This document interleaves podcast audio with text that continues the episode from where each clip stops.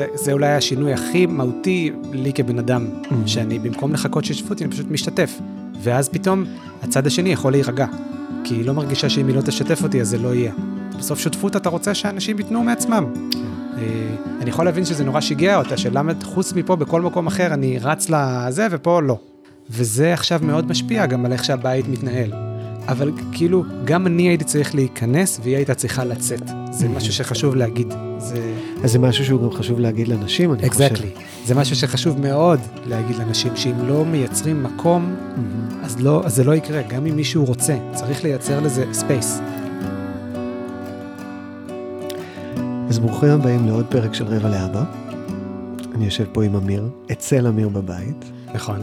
אבא ורבע, אבא, אפשר להגיד עדיין טרי, לא, טרי מאוד. טרי מאוד.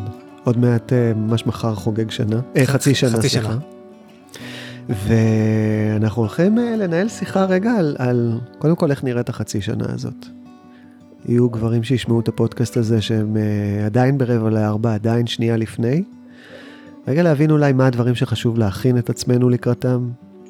מה הדברים שאתה יודע להגיד היום שאם היית יודע אותם קודם היית מכין את עצמך טיפונת אחרת, את חוכמת הבדיעבד. וגם קצת לשמוע על הסיפור לידה האישי שלך. אז בוא תציג קודם כל את עצמך. מי אתה? אה, אני אמיר, אני בן 36. עם השנים, אני חושב שההגדרה שאני מסתכל עליה סביב, כאילו דרך אה, להציג את עצמי לעולם, זה שאני יזם. זה משהו שלא העזתי להגיד על עצמי הרבה שנים, אבל זה פתאום נהיה נורא נוכח. אה, וזה אומר שאני, יש לי עסק שאני מלמד בו אה, גיטריסטים אונליין, שכזה טפח כמה שנים. כתבתי ספר אה, ממש לאחרונה על סיפור משוגע שהיה לי בהודו. יצא לי לצלם סרט, יצא לי לה, להקליט אלבומים, יצא לי לעשות כל מיני דברים, ורובם דורשים יוזמה. כזה, שאני הייתי צריך לדחוף את עצמי ללכת לעשות, אז אני מבין שההגדרה הזאת היא נכונה. פעם הייתי מוזיקאי, אבל זה כאילו לא, זה כבר לא מכיל יותר את, ה, את, את שאר החיים. אז ככה אני, עם הפריזמה הזאת אני מסתכל על העולם, ואז מותר לי כאילו לעשות כל מיני דברים שלמוזיקאי אסור. אה, באיזשהו מקום. זה נותן לי היריעה יותר אה, רחבה, ואני יכול להתעסק בכל מיני נושאים. אוקיי. אמ, כן. אז אתה יזם? איפה אתה? אתה אבא יותר? יזם יותר היום בימים האלה? מה אתה מרגיש שאתה יותר? אה, אני מרגיש שהרבה מהיוזמה מופנית לאבהות, אבל זה חדש.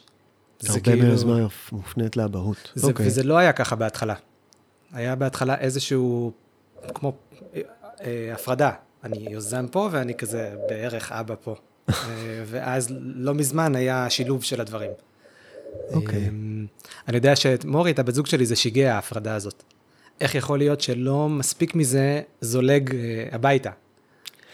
כי אתה אומר בעצם שבתור יזם אתה מניע, מוציא דברים לפועל, אתה אקטיבי, אתה הוגה, אתה ממש מוריד את זה לאדמה, ובבית מה היה בהתחלה? אה, בבית היה אה, דפוס אחר שיש לי, שהוא הימנעות. אוקיי. אה, שזה משהו שאני חי איתו המון שנים, ואיכשהו בעשייה זה לא, בעשייה של העבודה זה לא מציק לי. אה, אני- הימנעות, תאר לנו רגע איך היא נראית, בשביל ש... הימנעות זה, אמ, אם צריך עכשיו אמ, לתקן משהו בבית, אני צריך לקנות דברים, אם, אם התינוק בוכה וצריך משהו, זה כאילו הייתי צריך כל הזמן שיסמנו לי מתי תורי להיכנס. כל הזמן שיזמינו אותי למגרש, אה, שזה ההפך מיוזמה. כן. לא יודע מה, מה המילה של זה, אה, אבל זה כאילו הפוך. אה, הימנעות זה תיאור די יפה של זה. כן, יכול להיות שהבן אדם שלא יוזם, הוא פשוט נמנע. כן. אה, באיזשהו מקום. עכשיו, זה לא שהייתי מתנגד, אם היית קורא לי, הייתי משתתף, אבל כל הזמן היה איזה מקום שצריך שיכניסו אותו למגרש. אה, וזה בתור אבא, לא, זה לא דבר בריא לעשות בעיניי. כי מה? כי אה, קודם כל זה שם הרבה מאוד עומס על צד אחד. אה, זה או האימא או אנשים שבאים לעזור, אבל זה כאילו לא דבר בריא לשים עומס על צד אחד, וכאילו, זה, זה כל הזמן צריך לדחוף אותך להיכנס למגרש, וזה זה דורש אנרגיה, ל- ל- לזמן מישהו, כשבסוף בתור הורים אתם צריכים, יש עכשיו משהו, י- יצור חסר אונים, אתם צריכים שהאנרגיה, אתם צריכים פחות התנגדות, יותר לבוא, יותר ליזום, לא לשאול שאלות, פשוט להיכנס שצריך, לראות שצריך ולהיכנס.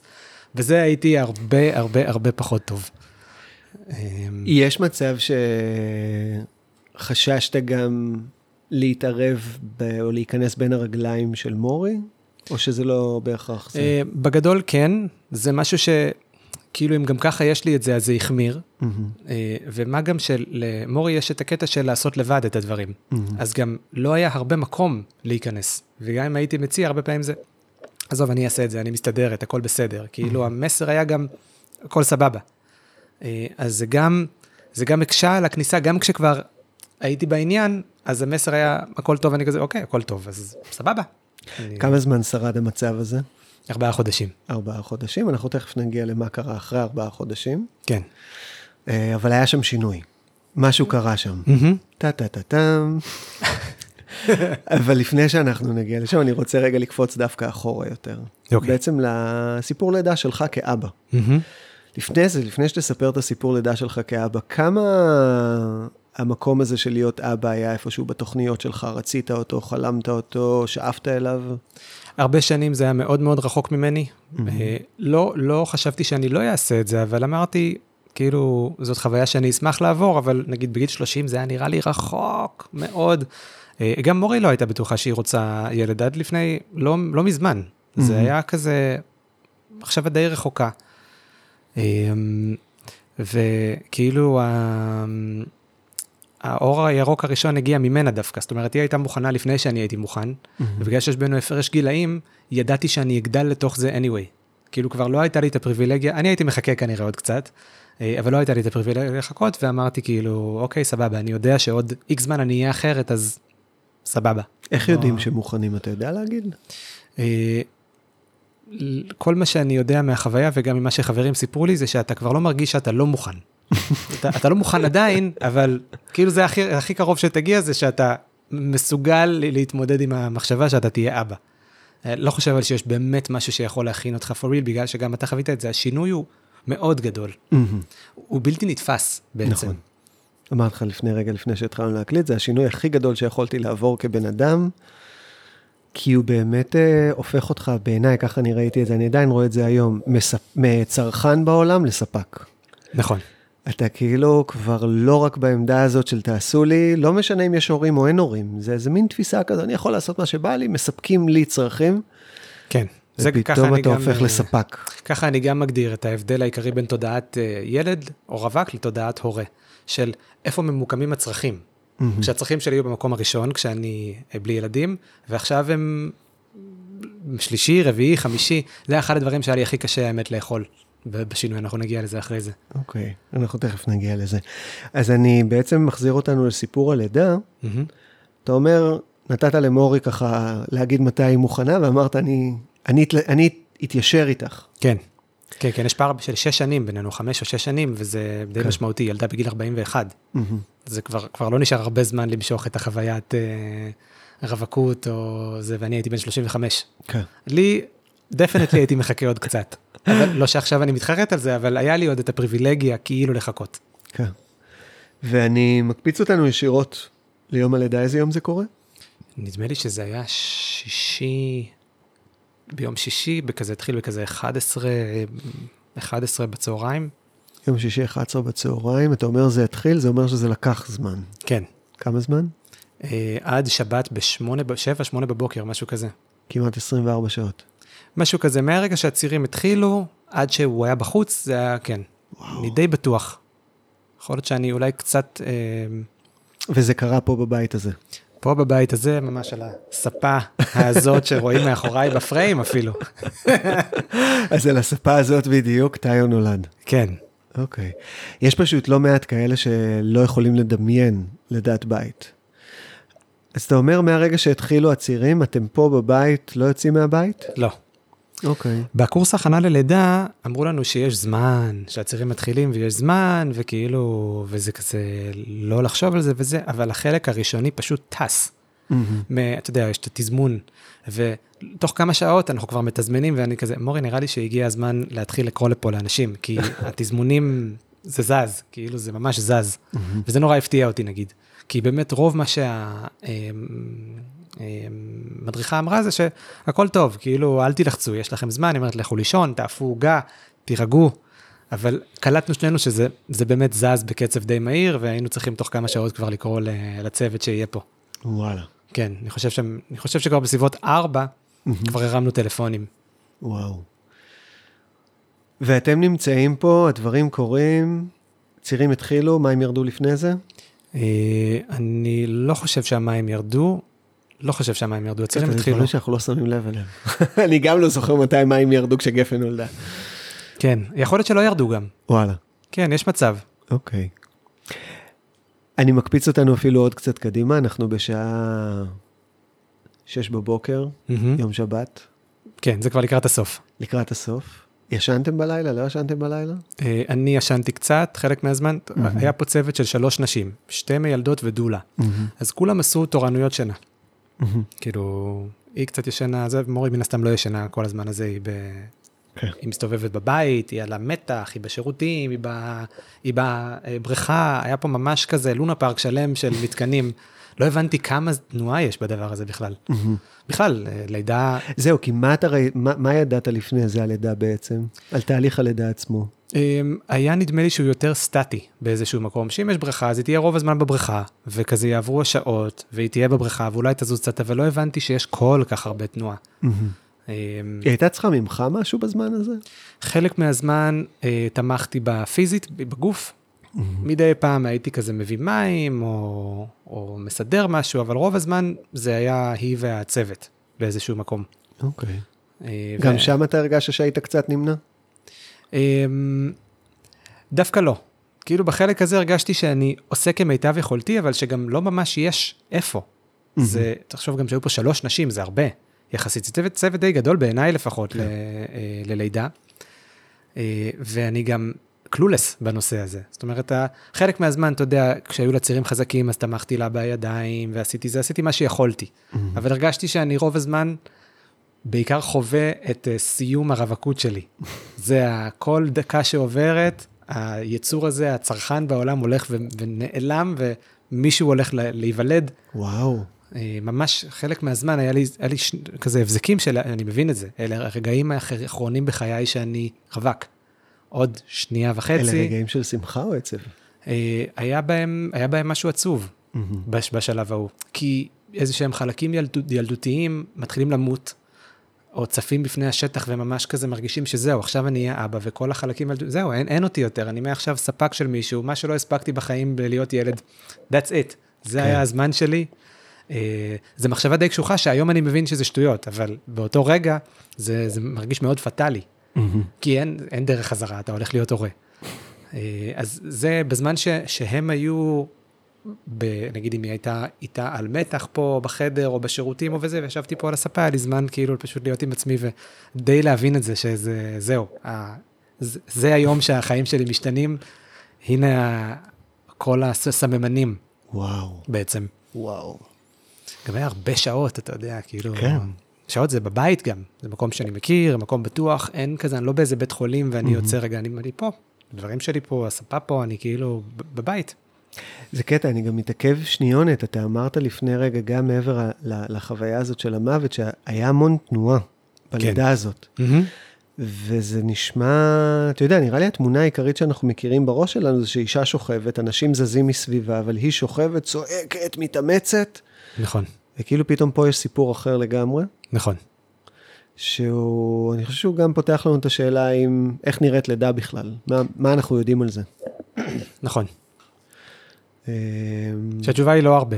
לא הרבה, אנחנו לא באמת יודעים איך מתנהלת לידה. לא, אתה יודע, רובנו הגדול לא ראה מעולם לידה. זה דבר שהוא די מוסתר מאחורי אה, חדרים סגורים של בתי חולים, ומה שאנחנו רואים בסרטים הוא הכי בולשיט שיש. זה הבזקים קטנים של, אה, של הדבר הזה שנקרא הריון, אה, לידה, אבל זה לא קשור הרבה למציאות. כן. אה, אז כן, זה הפתיע אותי גם. היה, מה- מה, הדבר שהכי הפתיע אותך פה בלידה הזאת? מעניין אותי לדעת. Mm, חוץ מהלידה עצמה, מהרגע של הלידה, באמת אני חושב שכמות ה, כמות התנועה, כאילו כמות התנוחות שהם ביקשו ממנה לעשות, כמות הפעמים שהם ניסו כל מיני דברים, וגם היה את המקום הזה שכמה שהצירים יותר כואבים, ככה היא עושה יותר טוב. וזה מאוד מתנגש עם החוויה האנושית, שהם כאילו כל פעם שכאב לה, הם עודדו אותה. מודדו אותה להכאיב לעצמה, בייסיקלי, כדי שזה יתקדם. זה כל כך counter intuitive, הדבר הזה. אה, מה כי- אתה הרגשת באותו רגע? כי נשמע שאתה לא יכולת לעשות את מה שהן עושות. לא יכולת לתת לה את התמיכה הזאת. אה, זה, זה חוסר אונים מאוד גדול. אני יושב ואני רואה את האישה שלי סובלת בכאבים, ואני מבין שהיא עכשיו על איזשהו מסלול, שזה המסלול. אין הקלה, אין, אה, אין הפסקה. זה one way, וה-one way הזה, יש בתוכו ים של כאב.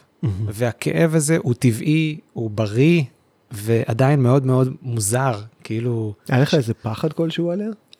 אמ, לא היה לי פחד כמו שפשוט כאב לי עליה, ש- שהיא כל כך סובלת, אבל שאין מה לעשות עם זה. כן. אמ, וגם, היא, זה לידה ראשונה שלה, והיא לא היה מושג למה היא מכניסה את עצמה, וכשהיא הבינה כבר למה היא הכניסה את עצמה, אין, זה כבר שלב שאין אפידורל, אין בית חולים, זהו, זה, אנחנו בפנים, זה ייגמר בלידה. אה, זה הבנה די קשה נראה לי לאישה לה- להגיע כל כך רחוק ולהבין שזהו, זה הולך לכאוב עוד הרבה, כן. את תלדי בסוף, ואני זוכר שכאילו היא כל הזמן סימלה שהכאב הוא לא הגיוני. זה לא הגיוני כמה שכואב לו, היא כל הזמן שואלת אותם, האם זה אמור לכאוב ככה, והם כזה, כאילו ב... בכמו הבנה הדדית, כולן כזה מסכימות איתה שזה fucked up, שזה הסיטואציה, כי הם כולם אימהות. כן. אה, אז אלה דברים שראיתי שאני כזה, הולי שיט, לידה זה דבר, ממש, יש לו צדדים מאוד אגרסיביים גם. וואו. אה, כן, זה היה ממש חלק מהחוויה פה. זהו, אני תוהה לעצמי, גם אנחנו כגברים, הרי צוחקים הרבה פעמים על זה שגברים, כאילו, אם היינו צריכים לסבול את המחזור לצורך העניין, לא היינו שורדים שנה אחת בחיים. היינו כבר משחררים את הסיפור, כי אנחנו לא מסוגלים לעמוד בכאב הזה. ולהסתכל על זה ברגעים האלה, אני גם יכול מאוד להזדהות עם זה, אני זוכר ששירן אז הייתה ממש בזמן הלידה, ואני מסתכל על הכאבים האלה, וגודל ההערכה שהיה לי אליה התעצם פי שלושת אלפים. נכון. כי ההבנה שכרגע היא עוברת משהו שאני לא בטוח שבעצמי הייתי יכול לעמוד בו. מהמם. ממש ככה. לא נעים להגיד את זה, אבל כאילו זה ממש כזה. ופתאום נפתח שם משהו, זה לא רק בלב, זה, זה במקום אחר. שכאילו הערכה כלפי האישה הזאת, כרגע לנצח נצחים, נפתח שם מקום של כבוד, the hall of fame, a hall of glory, נכון. של כאילו... כן, זה משהו שאתה יכול לחוות רק כשאתה באמת נוכח בלידה. אם אתה נוכח ואתה רואה את זה, ואתה באמת רואה מה היא עוברת, ואתה מבין, אם אתה מצליח להבין את, את, את גודל המאורע, אז כן, אז באמת נפתח איזושהי יראת כבוד, כי בעצם שערי החיים נפתחים בדיוק פעמיים, בלידה ובמוות. ויש שם, יש שם, את, אתה כאילו רואה את החיים, אתה רואה מישהי מביאה חיים לעולם, ומה המשמעות של הדבר הזה, ואיזה איזה דבר עוברים סביב זה, כאילו הכי נורמלי, אנשים פשוט נולדים, אני- אתה נולדת, אני נולדתי, וכזה, זה מה שהאימהות עברו, כולן עברו את זה, פחות או יותר, אבל ככה באים לעולם. אה, ובגלל שאף פעם לא ראיתי את זה לפני, אז באמת, אתה יודע, החוויה הרפואית, לידה זה, זה, זה כאילו אירוע רפואי בתפיסה שלנו. אישה שוכבת בבית חולים, היא דוחפת, זה, זה, אין בזה יראת כבוד. כן. זה פשוט משהו שרוצים שיעבור בשלום. זה הטייטל. רק שתעבור בשלום, שהיא תשרוד, שהתינוק ישרוד. אין את המסע בדרך לה, להביא את התינוק אה, לעולם. אז פה פתאום היה, זה הכי לא רפואי בעולם. הכי רחוק מהחוויית חלוק לבן וניאונים וכאלה. זה היה ממש, זה היה כמו טקס באיזשהו מקום. היה בזה משהו מאוד טקסי ושבטי, אה, ובלי פילטרים בכלל, בכלל, בכלל. בלי שום, שום אה, משככי כאבים. אז אני רוצה להעביר אותנו רגע לשלב הבא, שהשלב הבא זה בעצם הלידה עצמה. כן. מה קורה שם? שעה אה, שמונה בבוקר? שבע או שמונה, אני לא זוכר בדיוק מתי, מה שקרה זה שהלידה שלה התקדמה מאוד מאוד מאוד טוב, היא הייתה כבר בפתיחה מלאה, ואז משהו נתקע למשהו כמו, לא יודע, שעה, שעה וחצי, כבר מתחיל להתקרב לפרוטוקול שצריך כבר לנסוע לבית חולים. והיא לא מתקדמת, לא מתקדמת, לא מתקדמת, והמיילדות כבר אה, מסמנות לי שצריך רגע לדבר על זה, והם אמרו, תקשיב, אנחנו מזמינים את מד"א, מזמינים אותם כדי שאם נצטרך לקחת אותה לבית חולים, שיהיו פה. אמ, והרמנו את הטלפון ובא מד"א וחיכו בחוץ. אמ, ואז התחילה פה ממש על הספה איזו אופרציה שהם שלושתם כזה, אוקיי, הייתה פה את לי, שהיא מאוד ותיקה, היא לקחה פיקוד, היא כזה, תקשיבי מורי, את הולכת ללדת עכשיו, זה מה שהולך לקרות, אני צריכה שתלחץ, היא נגעה בה גם כזה, אני צריכה שתלחצי לפה, כולם כזה עליה, והיא דוחפת ודוחפת, וזה מתחיל להתקדם, ועדיין לא קורה. והמד"א כבר בחוץ, ונהיה פה סטרס כזה, של עוד רגע הולכים לבית חולים, והכי, הכי לא רצינו. ואז, ממש ברגע האחרון הם אמרות לי, תקשיב, אנחנו יכולות לעשות מה שנקרא כיסא לידה. שב על הספה, תפסק את הרגליים, מורי, שבי עליו, אחת תופסת לרגל, השנייה, והיא כזה, תדחפי ותדחפי, והיא דוחפת, אתה יודע, ופתאום יש שאגה. כזאת זה, והתינוק יוצא, עכשיו אני לא רואה את זה, כי אני מאחוריה, אני מבין ש, שהוא יצא, עמדה בחוץ, שזה קורה והוא יוצא, וכאילו אני מבין שאוקיי, סיימנו את האירוע הזה בבית, לפחות זה הולך להסתיים פה, ממש רגע מאוד מאוד מאוד גדול, המילדות לוקחות אותו וזה, ויש כזה, שנייה מתחילות, אתה יודע, לנקות אותו, ושמות אותו זה, ומישהי יוצאת החוצה ואומרת למד"א ש... שהכל טוב, שהם יכולים ללכת. ממש כאילו רגע מאוד מאוד חזק. כן. שהייתי כאילו, ליטרלי זה המקום הכי קרוב שיכולתי להצטרף בו לחוויית לידה הזאת. וואו, זה ממש להיות פיזית עם מורי בתוך כן. החוויה הזאת. כן, הדבר היחיד שכאילו הרגשתי בו מריחוק זה שלא ראיתי אותו יוצא. Mm-hmm. זאת אומרת, אה, אמרתי, זה once, אולי once in a lifetime, וזה. קצת העציב אותי. כן. כשכזה, אני לא, לא חוויתי את ה-actual moment, mm-hmm. אבל הייתי התמיכה הכי קרובה בעצם שיכולה להיות, ממש בסיטואציה הזאת. כן. זה היה כבר ממש, אה, זה, זה כבר היה לידה עצמה. וואו, זה, זה רגע ממש מרגש, סיפרת את זה ואני הרגשתי איך כל כולי כזה בתוך זה. זה גם, אני חושב שיש שם באמת מצד אחד התרגשות מאוד גדולה, מצד שני הפחד של מד"א נמצאים פה בחוץ, נושפים בעורפכם. מה הפחד אבל, נניח והייתם צריכים להגיע לבית חולים, מה הפחד בזה? אה, זו שאלה טובה. אני לא יודע בדיוק להגיד לך מה, מה היה ה... אה, במילים איך להגיד את זה, בטח מורית יודע להגיד את זה יותר טוב ממני, אבל כאילו היא נורא רצתה שהלידה הטבעית תהיה בבית, בלי עכשיו מיליון רופאים, ובלי שיקחו אותו, ובלי שנצטרך להיות שם כמה ימים, כאילו בלי לעבור את כל הסרט הזה של עכשיו אה, להיות במקום שאנחנו לא מכירים, אנשים שאנחנו לא מכירים, עם מיליון בדיקות וכל מיני דברים כאלה. רצינו את זה הרבה יותר פשוט באיזשהו מקום. והיא עבדה כל כך קשה, והיא הייתה ככה קרובה לפספס את זה. כן. אה, ממש. למרות שהמיילדות אמרו שהיא כל כך לא רצתה לרדת בבית חולים, שסביר שאם היא הייתה עולה לאמבולנס, היא הייתה יולדת שם. וואלה. כן. וואו. כאילו היה כזה רצון לעשות את זה פה. אה, ממש גם ראיתי את המיילדת הראשית, מה שנקרא, אה, שהיא הייתה נורא איזי, ואז כשהיא הבינה שצריך, אז היא פתאום, זה נהיה צבאי. זה כזה, אוקיי, את ככה, אתה ככה, זה ממש כאילו, היא, היא ממש גרמה לזה לקרות, והייתה לי הערכה מאוד גדולה להן גם, mm-hmm. למיילדות, זה זה מלאכת החיים, ליטרלי. כן. ואני, אתה יודע, הן עובדות בזה בלי סוף, ואז אני כזה, בשבילם זה another day in the office. אוקיי, מגניב, עשיתם את זה, נולד, עוד יומיים יעשו עוד פעם את הסבב הזה, זה מילדות בית. כן. וזה נראה לי מאוד קיצוני, שזה העבודה שלהם. זה היה, כן, הייתה הערכה מאוד גדולה לזה שהן מסוגלות לשאת באחריות וב... זה, זה אין סוף שעות. כן. אין סוף שעות, וזו אחריות עצומה על התינוק, על האישה, על זה, זה כאילו... כן. אז, אז גם שם ראיתי כאילו עוד, גם את ההערכה ליולדת וגם את ההערכה לנשים שבחרו לילד. זה בעיניי בחירה מאוד מאוד חזקה. אני אגיד אבל שיש פה משהו גם מאוד מאוד מעניין. בסופו של דבר, איך שזה קרה, אתה היית צריך להיות הקרקע של מורי. כן.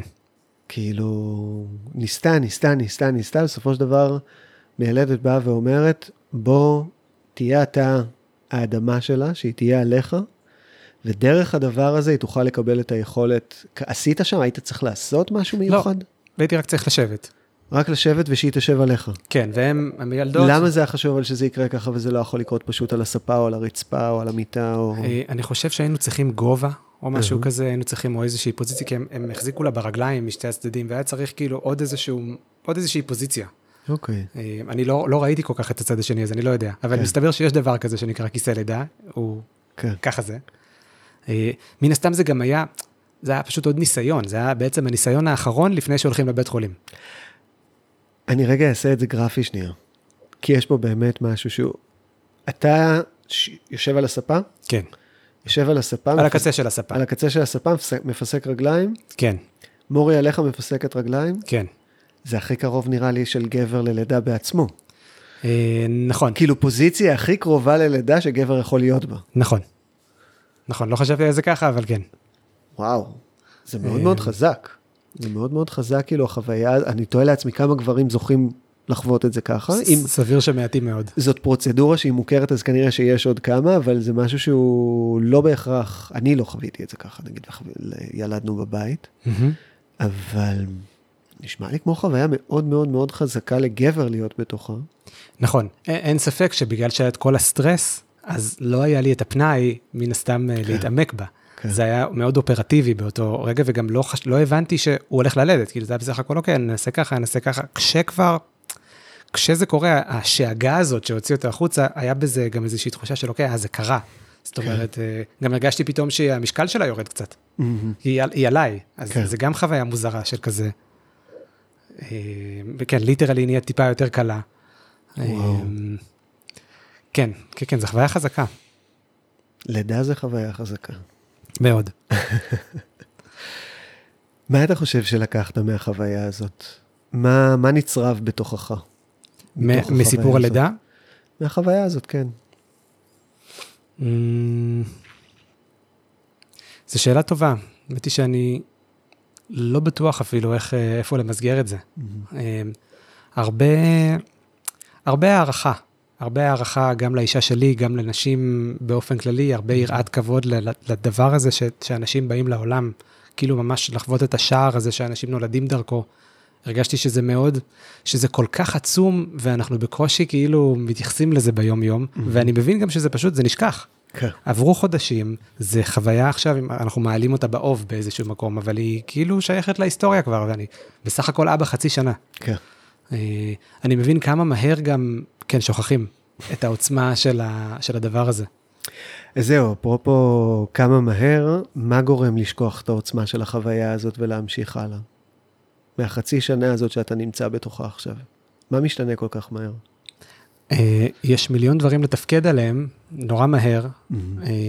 וזה, אין, אין שום זמן לעשות עיבוד חוויה. בשנייה שהוא נולד, צריך להתחיל לטפל בו. גם את זה לא כל כך הבנתי. שכאילו שזה קורה על הוואן, לא כזה יש יומיים להתאושש, אין יומיים להתאושש, מתחילים בשנייה שהוא נולד. אה, ואתה כל כך מהר צריך להתגייס לזה, שמה שקרה לפני חמש דקות כבר לא רלוונטי. Mm-hmm. זה כזה, אוקיי, מגניב, יאללה, עכשיו הוא בוכה, עכשיו צריך לנקות אותו, עכשיו צריך להלביש אותו, כאילו זה טיק טק נהיה כזה ריצה, זה פשוט נהיה ריצת ספרינט מאוד מאוד מהירה. אה, כל יום. כל יום. כן, כן, במיוחד בשבועות הראשונים. זה הלך והתמתן קצת אחר כך, אבל ההתחלה הייתה מאוד מאוד מהירה, ושם הרגשתי שאני מאוד לא כשיר לדבר הזה. מיליון פעולות חדשות שאני לא מכיר. יש פה תינוק בן יומו שכזה, הוא, זה ההישרדות שלו עכשיו. ואז הפחד שלי של החוסר כשירות היה מאוד מאוד גבוה. אה, החוסר כשירות שלך, כן, שאתה לא תהיה מספיק טוב, לא תדע לעשות את זה. לא יודע מה עושים. זה הכל חדש, כל פעולה היא חדשה, ואני לא עושה אותה טוב, כי לא עשיתי אותה מעולם, mm-hmm. ו- אבל אין, אין זמן ל- לאיכות של הפעולה, צריך לעשות את הדברים. Uh, מה שכן, בהתחלה היה פה, היו פה גם המשפחה של מוריק וגם עוד חברה טובה שלה שישנה פה גם, וזה מאוד מאוד עידן את הכניסה. Mm-hmm. כאילו במקומות הכי קיצוניים היו פה אנשים איתנו, אני לא יודע איך אנשים חווים את זה כשהם רק הם עצמם. הם, זה בטח הרבה הרבה יותר קיצוני. אה, התחושת אחריות והפחד והמגושמות אה, של הפעולות שעושים. כן. אה, אבל היה המון המון המון פחד מהדבר הזה, באמת שאין לי מושג מה צריך לעשות, ויש מיליון כאלה עכשיו. עד שזה מתחיל להיות רוטינה, לוקח זמן. באיזשהו כן. שלב אני כזה, אה, אוקיי, הנה ה-10-15 פעולות שעושים שחוזרות על עצמן. אבל כשאתה לא יודע כמה כאלה יש, זה כזה, הולי שיט, כמה אני הולך עכשיו, כמה דברים חדשים אני צריך ללמוד. זה לא... זה היה נתפס לי כלא סביר אה, בזמנו. אז אם אנחנו מדברים על זה, מה, מה היית ממליץ לאמיר שלפני הלידה להתאמן עליו ויעזור לו רגע אחרי הלידה? זו שאלה מאוד טובה, כי אה, גם ערן, שהוא חבר, הוא אמר לי, אחי, תלמד להחליף חיתולים, תתאמן על זה, תעשה ככה, תעשה ככה. אבל האמיר שלפני הלידה הוא כזה, אני עוד לא אבא, אני רוצה לסחוט כל טיפה של זה שאני עוד לא אבא, ואני אתחיל להתעסק עם זה כשאני אהיה אבא. והייתה בי ממש את ההבנה שאני לא, זה לא הולך לקרות. פשוט לא הולך לקרות, כי יהיה לי עכשיו את כל החיים להיות אבא, ויהיה לי ממש רגעים ספורים להיות לא אבא. אה, אז, אז לא, בגלל שהשינוי הוא כל כך גדול, לפעמים, כמו שאתה אומר, אתה לא יכול באמת להכין את עצמך לזה. שוב, אתה יודע, אפשר לעשות דברים, אבל, אבל הנפש עוד לא מבינה בכלל את המשמעות שלהן. כן. אה, ולכן אני לא יודע באמת אם היה דברים שהייתי עושה. שזה מצחיק להגיד, כי תמיד אפשר, אתה יכולת לעשות ככה וככה וככה, אבל בסוף במציאות בחרתי להתמודד עם זה כשזה היה, נהיה ענייני. אמ, ו... ולסבול, אתה יודע, לספוג את ההשלכות של הבחירה הזאת גם. אה, לספוג את ההשלכות של הבחירה הזאת, כן. שלא להת... לא להתאמן על זה כן. לפני. כן, כן, לספוג את ההשלכות של להתחיל להבין בזה כשזה נהיה קשור. כן, למרות שאני חושב על סיטואציה קינקית כזאת, שאתה דופק בבית שבו יש ילד חדש, שלום, אפשר להתאמן על הילד שלכם ולהחליף חיתולים? זה נורא מוזר, אתה כמעט תקנה בובה מאמזון ואתה יכול לעשות את זה, כן? אתה רוצה לגפן, יש כמה בובות, אבל אני לא יודע עד כמה המשקל שלהם תואם גם משקל באמת של תינוק וכאלה. שוב, אתה יכול לעשות את זה, אבל עד שזה לא... כל הזמן, אתה יודע, ברגע שיש לך ילד, אני חושב שאחת החוויות הראשונות שקורות, זה ההבנה שיש פה עכשיו קושי, ואני לא יכול לפרוש ממנו. Mm, וואו, וואו. אני לא יכול לפרוש. עכשיו קשה לי ואני צריך להישאר. דברים כן. אחרים שקשה לי, אני תמיד יכול להגיד, טוב, חלאס. אם זה, אם זה פרויקט שאני רוצה או מה שזה, אוקיי, די. פה אין די. והאיכות הזאת גורמת לך בסוף לעבור לצד השני ו- כן. to maintain וכזה, מה שקרה to deliver. Mm-hmm. ואי אפשר להשיג את זה עד שזה לא נהיה ממש uh, אמיתי, כאילו קונקרטי מול העיניים שלך. חי ונושם ופועם כן. ו... חלק מהזמן uh, אנשים עוברים את החוויה הזאת בצבא, mm-hmm. אני לא הייתי בצבא. אז כש, היום אני מבין שאחת האיכויות שפספסתי מהצבא זה הדבר הזה, mm-hmm. של להישאר עם הקושי ואין לאן ללכת. אתה יודע, גם, מאנשים, גם מהצבא אנשים עוזבים. נכון. זה לא שאי אפשר, אי אפשר. אבל זה יותר קרוב וזה משהו שלא עשיתי. אז עכשיו זה, זה הגיע פה. האמת, אתה מעלה פה שאלה שמעניין אותי עכשיו לחקור אותה ולהבין אותה, של עד כמה זה באמת משפיע השירות הצבאי שעשית mm-hmm. ליכולת שלך להתמודד עם האבהות. Mm. זאת אומרת, אתה מעלה פה נקודה שהיא מאוד מאוד מהותית, של השאלה של איפה בחיים שלי לפני זה, נאלצתי ממש להתמודד, ואני חושב שגם בדור הזה של היום, שכאילו כל כך הסיפוקים הם מיידיים, ו... לא נוח לי משהו, אז אני מחליף אותו. בדיוק אתמול הייתה לי שיחה על דור ההייטק, שכאילו לא טוב להם טיפה בעבודה, כי אין להם את המיץ הנכון, או את הקולה הנכונה, או את המקרר הנכון. פשוט יעברו לחברה אחרת לעבוד בחברה אחרת, וזה לא מאפשר להם להתמודד עם הדבר המאוד חשוב, שהוא חוסר שביעות רצון, mm-hmm. תסכול, כאב, כעס, ולהמשיך לנוע. והיכולת הזאת לפתח את ה... את החסינות הפנימית הזאת. וזו שאלה מעניינת, אגב, אתה מעלה את זה ביחס לצבא, עד כמה באמת אנשים שלאו דווקא היו ב... נקרא לזה שירות שמפגיש אותם עם המקומות האלה, השפיע על ההורות שלהם או על האבהות שלהם או על היכולת שלהם להתמודד עם זה. כי אני יכול להגיד שגם כן, בסיטואציות שאתה מתאר, היו רגעים שרציתי לפרוש לגמרי, תעזבו אותי, אני, אני עוזב. לא יודע איך אני אעשה את זה, אני עוזב, אני לא כאן. אתה מדבר על ההורות. על ההורות. על שלוש שעות על הידיים, ולדעת שאם משהו לא משתנה כרגע, זה יהיה עוד שלוש שעות כאלה. וזה כבר לא הבכי שמחרפן אותי, זה התסכול הפנימי על זה שאני לא טוב במה שאני עושה וכואבות לי הידיים, וכאילו, די, אני גרוע, תעזבו אותי, אני גרוע, אני לא טוב בזה, אני לא כשיר לזה. וזהו, ויש הבנה מתחת לזה שאין מה לעשות עם הדבר הזה, אלא להמשיך ללכת בתוכו. וזה מעטים הדברים בחיים ש, שזה האיכות שלהם. Mm-hmm. זה, אני חושב שזה אחת מהאיכויות של השינוי. מעבר לזה שאתה נהיה ספק, ומעבר לזה שמישהו אחראי עליך, זה באמת, יש קושי. ואין, זה אתה. זה אתה, וזה אתה הרבה זמן, וזה אתה כשאתה לא יודע מה עושים, וזה, זה, אין ספק שזה מפתח איזשהו חוסן פנימי לנפש, mm-hmm. שאני לא יודע איך מפתחים אחרת. כי מכל שאר הדברים כנראה אפשר לפרוש. די בקלות אפילו. אתה אומר שבעצם האבהות מייצרת חוסן פנימי לנפש. אה, יש, יש בה את האיכות הזאת, כן, מי שלא בורח, גם אנשים בורחים בסוף, יש אבות שנטשו וכל מיני כאלה, אבל זה לא הרוב. נכון. ומי שנשאר, הוא באמת עובר דרך לפעמים מחשכים מאוד גדולים, שזה בדיוק האיכות הזאת. זה לא עובד ואני לא יודע מה לעשות, אבל אין אף אחד אחר שיעשה את זה עכשיו. מה עושים? עושים. כן, ואז עושים, ומתישהו פתאום זה מסתדר. היום אחרי זה, עוד פעם חוויה כזאת, ושוב זה, ועוד פעם זה מסתדר, ומספיק פעמים כאלה אתה כזה, בגלל, זה מה שאני אומר שהחוויה מתייצבת כבר, עברת דרך דברים מאוד מאוד קיצוניים, ואתה כבר עם הזמן נהיה יותר רגוע לגבי זה, mm-hmm. אפילו אם זה עדיין קשה. Okay. אוקיי. Um, קורה לך לפעמים שאתה חווה חוויות כאלה ואתה מפחד שבעצם המשך החוויה המשותפת שלכם פשוט ייראה ככה כל פעם? זה פחד שעולה? Um,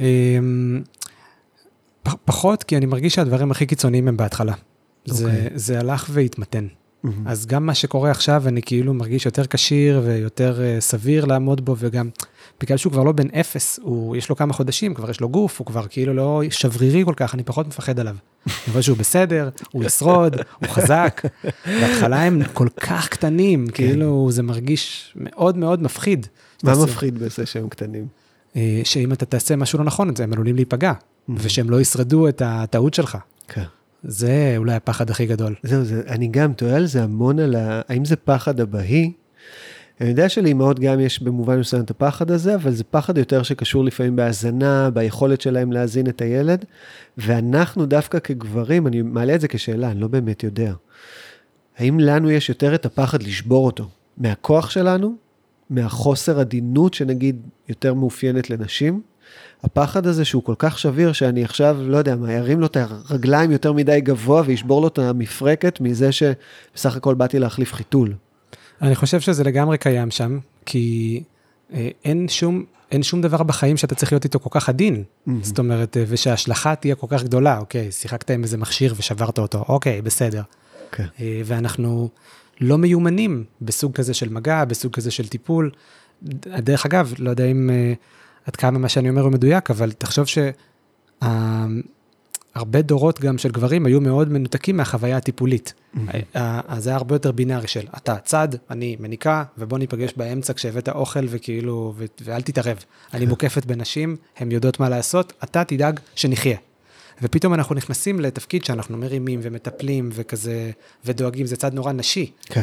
ורובנו לא, לא מתורגלים אה, ב... לא בסוג מגע הזה, לא בסוג תפיסה הזה. Mm-hmm. אז, אז יש איזושהי מגושמות כזאת של כן, של פחד של אני עלול בטעות לעשות משהו, מה גם שאני חושב שאנחנו רובנו חושבים שהתינוק יותר שביר ממה שהוא באמת. כן. הוא לא עד כדי כך שביר, אבל זה מרגיש ככה כי הוא חדש וקטן. אה, לגמרי. אז... לא, זה גם קטע מטורף, אגב, וזה אולי איזה מין זריקת הרגעה כזאת לאבות שנמצאים שם ומקשיבים לזה, שבעצם בשלבים האלה של החיים, אני לא זוכר עד איזה גיל זה, אבל יכולת הריפוי של הגוף מפציעות טראומטיות, כאילו חתכים וכולי וכולי, הרבה יותר מהירה ואפילו אמ, כמעט ללא צלקות, מאשר הגוף הבוגר שלנו. נכון. הרכות של העצמות והיכולת שלהן כאילו לספוג חבטות כאלה ואחרות, וזה די הגיוני, כי זה השלב שאנחנו אולי הכי נחבטים פה, נחבטים בו בחיים. כאילו, אה. תחשוב על ילד עכשיו שמתחיל ללמוד ללכת, אם העצמות שלו יהיו פריחות מדי, כמו של בן אדם מבוגר, הוא לא ישרוד את השנה הראשונה. נכון. מה גם שיש את כל הקטע הזה שהראש שלהם עוד כאילו... נסגר, כן. בדיוק, זה נורא מפחיד, אתה נוגע בזה וזה כזה... אתה מגלה על הגוף כל מיני דברים שכזה, אה, ככה מתחיל גוף, כן. וזה מפחיד גם. זה מפחיד כאילו... אגב, אתם בשלב הגזים כבר? אה, אנחנו בשלב השיניים. שלב השיניים. כן, אני חושב שעברנו כבר את הגז, אני לא בטוח בדיוק. כאילו, פלוצים. זה לא, אנחנו יותר בשיניים. שיניים. כאילו מה שמציק לו זה שיניים עכשיו. זהו, זה גם, זה קטע מטורף. אני זוכר את זה ספציפית, כאילו החוויה שלי הייתה עם גפן, כאילו ממש זה תפס אותי. שהיה איזה, אני לא זוכר, זה היה כמה ימים או שבוע, שכאילו לעזור לה להוציא את הגזים האלה החוצה. ואני אומר, הדבר שאנחנו עושים אותו היום בכזאת נונשלנטיות, כאילו פשוט מפליצים, אנחנו לא תופסים עד כמה היינו צריכים ללמוד את זה. נכון. זה משהו שבפני עצמו לא ידענו לעשות אותו. ללמוד את זה, ללמוד ללכת לישון. כן. מי ידע שצריך לעזור לבן אדם ללכת לישון ולא פשוט מתעייף ו- ונרדם. כן. אה, אז כל מיני דברים כאלה. וכן, אתה יודע, אתה מגלה על הגוף באמת שהגוף הוא בדיוק, שהדברים משתנים, ו- וזה זה קצת, אה, זה מלחיץ כי פשוט מחוסר הכרה. אם הייתי מכיר מן הסתם, אם היה לי אח קטן, mm-hmm. או בן דוד קטן או משהו כזה, והייתי חווה את זה, אז אולי זה היה פחות מלחיץ אותי. אבל החוסר ניסיון, כל ה... זה נורא חדש, חוויה כן. מאוד מאוד חדשה. זה אולי, זה אולי משהו ש... לי היה מאוד חוסר ניסיון מאוד גדול עם ילדים באופן כללי. Mm-hmm. בגלל שאני האח הצעיר, אז לא חוויתי כמעט שום דבר שקשור לתינוקות או ילדים, וגם בחיים שלי המסלול, הוא היה די רחוק מילדים. מוריק בדיוק, בדיוק הפוכה ממני, היא עובדת רק עם ילדים. Mm-hmm. אז בשבילי זה היה בכלל גם כזה להתקרב לדבר הזה שנקרא עולם הילדים. כן. האם אני בכלל אצליח להשתלב בדבר הזה, כי לפני זה היה לי תחושה מאוד מרוחקת. אז זהו, זה באמת מביא אותי לארבעה חודשים, אחרי ארבעה חודשים. Mm-hmm.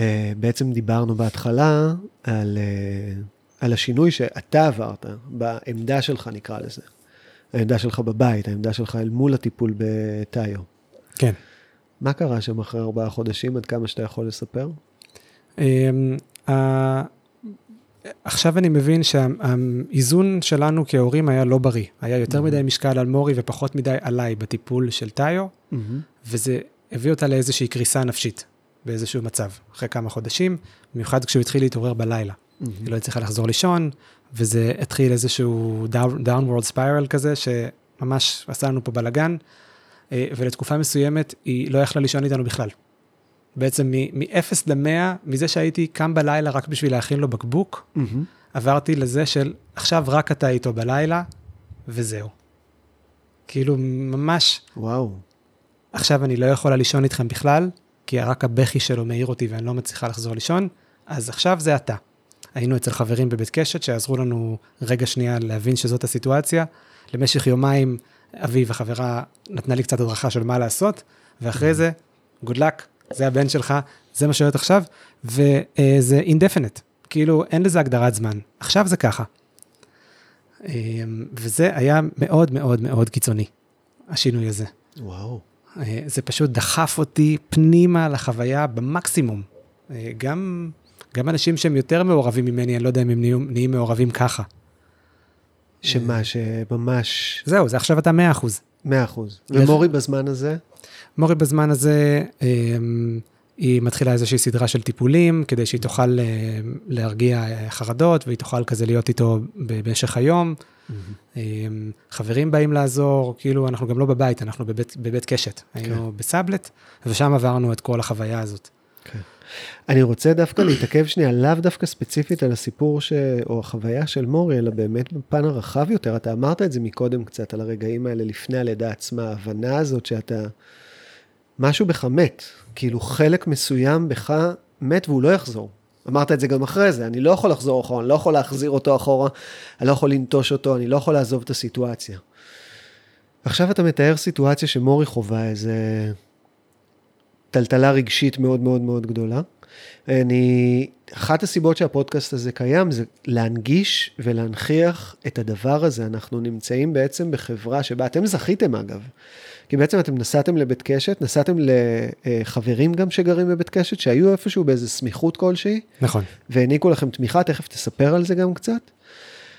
אבל המעבר הזה מלהיות זוג ללהיות הורים, הוא מעבר קיצוני מאין כמוהו. שבעבר כשהיינו חיים בקהילה רחבה שחיה ביחד ביום יום, קמים בבוקר ורואים את הקהילה שלנו, לא משנה אם זה בתקופה המודרנית כקיבוץ, ככפר, או בשלב הקדום יותר של שבט או קבוצת אנשים, יש איתך אנשים שתומכים את המעבר הזה. יש אנשים שכמו שאתה אומר, לוקחים ממך רגע את התינוק בשביל לתת לך, אולי אפילו להתאבל על, ה, על האובדן הזה של החיים שהיו לך עד עכשיו. ופה, מעצם זה שאנחנו עושים את זה לבד, יש שם משהו שהופך להיות אולי יותר כבד. אני חושב שכשאתה לבד עם זה, אז פשוט אין בכלל מקום להעלות את הדברים האלה. אתה כל כך תפק... תפקודי ותפעולי, שאתה פשוט עושה מה שצריך, ויעבור הרבה זמן עד שהילד שלך יהיה מספיק עצמאי, כדי שאולי תוכל לחשוב על זה שוב. כן. אבל in the moment, לרוב זה, כן, התפעוליאדה היא באמת מעל הכל. אבל אתה אומר שפה אתם נקלעתם למצב שלא היה לכם את הזמן לחכות עד שהילד יהיה גדול יותר? נכון. פה היה משהו שממש... נכון, משהו היה חייב להשתנות גם במבנה ההורי שלנו, איך אנחנו מנהלים את הבית. ואני הייתי צריך בעצם להיכנס יותר, ומורה הייתה צריכה גם לקחת צעד אחורה. ובגלל שאף אחד לא עשה את זה בטוב, אז זה קרה, נקרא לזה ברע.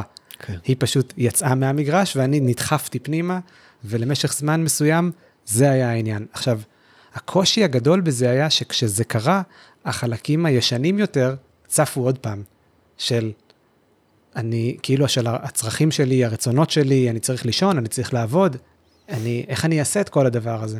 ורוב המסרים שקיבלתי מאביב, מהחברה שם, זה תקשיב, הצרכים שלך עכשיו, הם, אין אותם. אתה תשכח מזה, תשכח שהדבר הזה קיים, עכשיו יש לך ילד, הוא צריך אותך, אימא שלו כרגע לא יכולה להיות פה, ואין אף אחד אחר שיעשה את זה. וכמה שיותר מהר שתבין את זה, ככה יותר מהר תוכל להיות בשבילו. ולקח זמן, הייתי צריך ממש שוב להעלים את החלקים האלה, כי הם חזרו פול טיים. Mm-hmm. ומה שהכי הפריע לי זה באמת, שאומרים לי, הצרכים שלך לא חשובים. וואו. זה כאילו, המשפט הזה, הוא הוציא אותי מדעתי.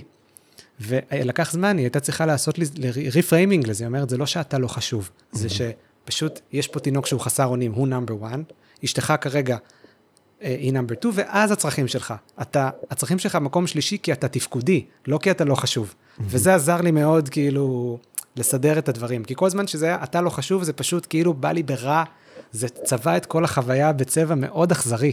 וואו. אמ, שהוא יותר מתאים למי שהוא לא הורה, שרוצה שהצרכים שלו יהיו number 1. אז זה היה שינוי מאוד מאוד גדול, באמת להוריד את עצמי לצד, לשלוש או ארבע או חמש, כדי להפוך להיות הדמות הזאת. כן. עכשיו, בזמן הזה, אגב, אתה עדיין מתפקד בתור provider? בתור מי שמספק גם, אתה עובד, אתה ממשיך עם היוזמות שלך בחוץ, או שאתה מפנה את הכל ואתה נמצא נטו בבית? אז זה היה שילוב של הדברים. אה, קודם כל, אה, גם ביקשנו וקיבלנו עזרה מההורים, כאילו עירבנו אותם יותר פתאום, mm-hmm. היה צריך. אה, עד אז, עד אז עוד היינו מסתדרים איכשהו בסדר, אבל ממש היה צריך כזה רגע... כלכלית או כן, פיזית? כלכלית, יותר כלכלית מאשר פיזית. Mm-hmm. ואני גם לקח לי זמן להבין מה, מה אני עושה עם העבודה, איך אני, איך אני הולך לעשות את זה. הפחד הראשון היה, אני לא אשן בלילה, אני לא אוכל לעבוד, הכל יקרוס. זה היה כאילו ה... ואז גיליתי שיש לי כוחות חדשים. כשאני אבא וכשאני מוכן לקחת את התפקיד, לא כזה קשה לי לא לישון כמו שחשבתי. Mm-hmm. זה פתאום, פתאום יש איזה מאגר אנרגיה שנפתח, שמישהו פעם אמר לי את זה, אמר, אתה לא מאמין כמה אנרגיה יש לך עד שילדים צריכים אותך. אה, ופתאום גיליתי שכזה, אה, אוקיי, אני אקשלי מצליח לעשות את זה. אבל, אה, אבל הייתי חייב להסכים לשחרר את זה, ולהבין שעכשיו זה, זה החיים, ו, וזה יכול להיות עכשיו שנה. Mm-hmm. הייתי צריך להסכים שאין לזה, לזה סוף. בהתחלה אני כזה, אוקיי, שבוע, שבועיים, היא תסתדר, וזה, אבל אז עובר זמן, ומסתרים שם התחיל לקבל את זה, תקשיב, אל תחכה לזה. אל תחכה שהיא תחזור למיטה, אל תחכה לכלום. כי מה יקרה אם אתה תחכה לזה? אה, מה שיקרה זה שאתה כל הזמן תהיה על הקצה, לקצה של הסבלנות. אתה כל הזמן, אתה לא תהיה נוכח, אתה לא, אתה לא תלמד כלום, אתה פשוט תהיה כאילו תפקודי ליום, ואז תחזור להיות כאילו, שוב זה שהצרכים שלו נאמבר 1. Mm-hmm. אתה כל הזמן רוצה לחזור אחורה. Okay. וברגע שהסכמתי שאוקיי, זה עכשיו אולי יהיה ככה שנה, mm-hmm. כל, משהו בי נרגע. כי גם בסוף ראיתי שאני, שאני מצליח להסתדר כי ניתן לי מקום. זה בדיוק, שאתה שואל איפה, שאתה לא רוצה להיכנס בין הרגליים, או כל מיני, פתאום אין רגליים להיכנס בהם, זה רק אתה. כן. וכשהמקום ניתן לי, אז פתאום גיליתי גם את השיטות שלי להרדים אותו, ואת השיטות שלי להאכיל אותו, וגיליתי שאני, יש לי ערך במקום הזה, פשוט לא היה לו מקום לפני זה. Mm-hmm. אחר כך כשעבר זמן, וחזרנו גם לאיזשהו שילוב, הרגשתי עדיין שיש לי מה להביא לשולחן. פתאום כן. כשמשהו היה נאמר לי, אני כזה, אל תתערבי באיך שאני מרדים אותו, אל תתערבי באיך שאני מאכיל אותו, אני יודע מה אני עושה. שלפני זה זה כזה, אוק, כל דבר היה מערער אותי, כל ביקורת היה כזה, אוקיי, סבבה, אני משחרר, כי אין לי בזה ניסיון. Mm-hmm. ופתאום אני, יש לי ניסיון, אני כן. כזה, אני גם הורה. זה דבר מאוד בריא בעיניי, אבל הוא הגיע בצורה אגרסיבית. אני חושב שהדבר הזה שאתה אומר הוא אחד הדברים אולי היותר משמעותיים, ולאו דווקא רק לרגע הזה של ההורות, אלא ממש ברמה, ברמה הזוגית להמשך הדרך. כי יוצא לי לדבר עם לא מעט גברים, וחלק, לא כולם, אבל יש חלק מהסיפורים שכאילו מחזיקים איזה מין אמונה, שאני לא מוכשר לדברים האלה. הבית הזה, הדבר הזה שנקרא הבית, הוא לא, הוא לא בשבילי, אני במובן מסוים משרת את הבית הזה, אני אורח בבית הזה, ואז לסיי שלי, לאמירה שלי, לחשיבות של הדברים שלי, אין משקל שווה כמו לבת הזוג שלי. ומה שאתה אומר פה זה, זרקו אותי בצורה אגרסיבית פנימה לתוך הבית, לתוך הבית ולתוך החוויה הזאת, אבל בעצם מה שזה הוליד זה את ההבנה ש... רגע, אני נוכח פה גם כן, עכשיו לא חייבים לריב את הדברים. נכון. אבל חשוב שתהיה לי נוכחות מסוימת במרחב הזה, בשביל שגם נוכל להתפתח ביחד. נכון, ובעצם אחד הסממנים זה שהפסקתי לחכות שישתפו אותי. זה, זה אולי השינוי הכי מהותי לי כבן אדם, mm-hmm. שאני במקום לחכות שישתפו אותי, אני פשוט משתתף. אני רוצה שמשהו יקרה, אני הולך ומתחיל, אני יוזם אותו. Mm-hmm. ואז פתאום הצד השני יכול להירגע.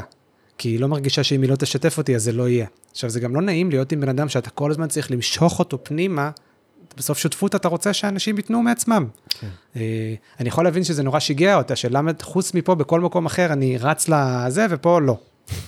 אה, אז זה נתן לי גם באמת את התחושה שאני יכול ליזום גם פה, בלי שזה יקבל ביקורת, בלי שזה יקבל, אה, בלי להתערער כל כך מהר מהאמונה הזאת של אני פחות מוכשר, אז, אז אני לא אעשה. Mm-hmm. וזה עכשיו מאוד משפיע גם על איך שהבית מתנהל. כן. בתקופה הזאת, על, על איך שאני, איך שהיא. זה, אבל כאילו, גם אני הייתי צריך להיכנס והיא הייתה צריכה לצאת. זה משהו שחשוב להגיד. זה... אז זה משהו שהוא גם חשוב להגיד לאנשים, אני exactly. חושב. exactly. זה משהו שחשוב מאוד להגיד לאנשים, שאם לא מייצרים מקום, Mm-hmm. אז, לא, אז זה לא יקרה, גם אם מישהו רוצה, צריך לייצר לזה space. כן. ואני חושב שזו חוויה שמתפספסת הרבה פעמים, שרוצים שהצד השני יעשה, אבל לא מאפשרים באמת. Mm-hmm. ואז, ואז מתבאסים שזה לא קורה.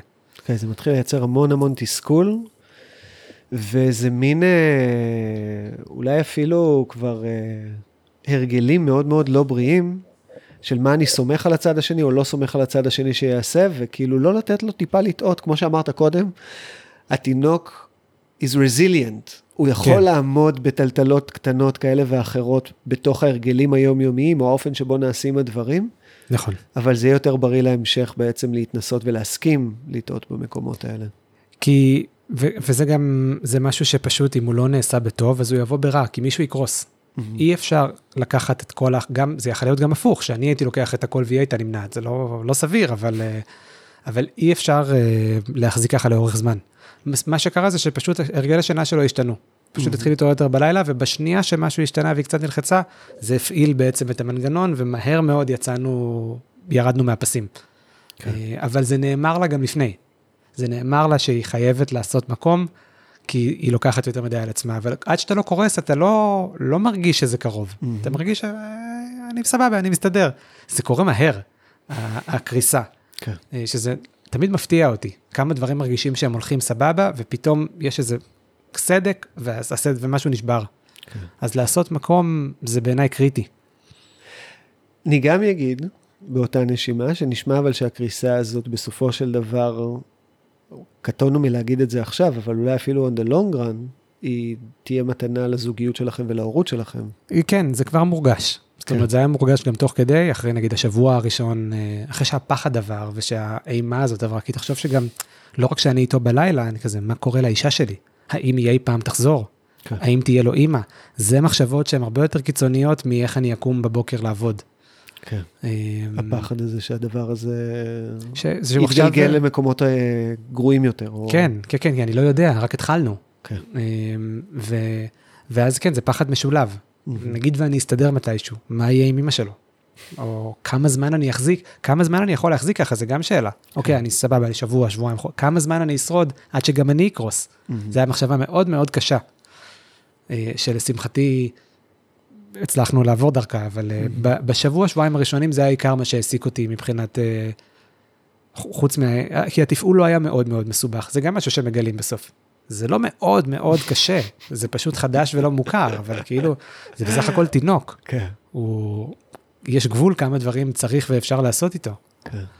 אמ, אז, אבל אין ספק שזה כבר שינה, זה שינה אותי, זה שינה את הזוגיות, זה שינה את ההורות. אמ, אני יודע שזה היה מתנה באריזה קשוחה, אמ, ואני גם מבין שלפעמים פשוט, בשביל באמת, אתה יודע, זה לפתח שריר, אתה בסוף מרים משקל כבד, אתה לא מפתח שריר מהמשקולת של החצי קילו. נכון. וזה באסה, שזאת הדרך. אמ, ואני חושב שלפעמים פשוט אי אפשר לחסוך לך את זה, אם אתה רוצה באמת כאילו שרירים. אף אחד לא יכול לחסוך לך את הדרך של להרים את המשקולות ולעבוד, לעבור את התסכול וכל הדבר הזה. אמ, לפעמים אני רואה אנשים גם באינטרנט וזה שאומרים, בוא, תלמד, אני אחסוך לך את הטעויות שאני עשיתי. אבל אתה מי שאתה בגלל הטעויות שעשית, חלק מזה. חלק אפשר לחסוך, אבל חלק מזה הוא בלתי נמנע. מהמם. אתה לא יכול באמת לחסוך לבן אדם טעויות, כי הוא לא יפתח את השריר. כן. אמ, אז אני רוצה, אנחנו גם תכף צריכים לסיים. אני רוצה שנעבור ל... יש פינה לסוף כל פרק, שהפינה הזאת אה, נוגעת בהוקרת תודה. הכרת תודה למשהו שהאבהות, בזכות עצם, עצם זה שנהיית אבא, הכניסה משהו להוויה שלך כבן אדם, שמשהו בך השתנה. אז על מה אתה מכיר תודה? על זה שטיו נכנס לחיים שלך, או על זה שאתה נולדת כאבא. אמ, אז אני חושב באמת שהמסוגלות להישאר עם קושי אמ, ולצמוח מתוך קושי בלי לפרוש זה מתנה ענקית. Mm-hmm. זה משהו שאני מאוד מודה עליו, הוא כאילו, אני כבר רואה איך זה משרת הרבה דברים. אמ, וגם וה... זה שאני כבר לא רק צרכן אלא ספק, זה גם משהו שאני מאוד מודה עליו, כי זה טען את החיים במשמעות.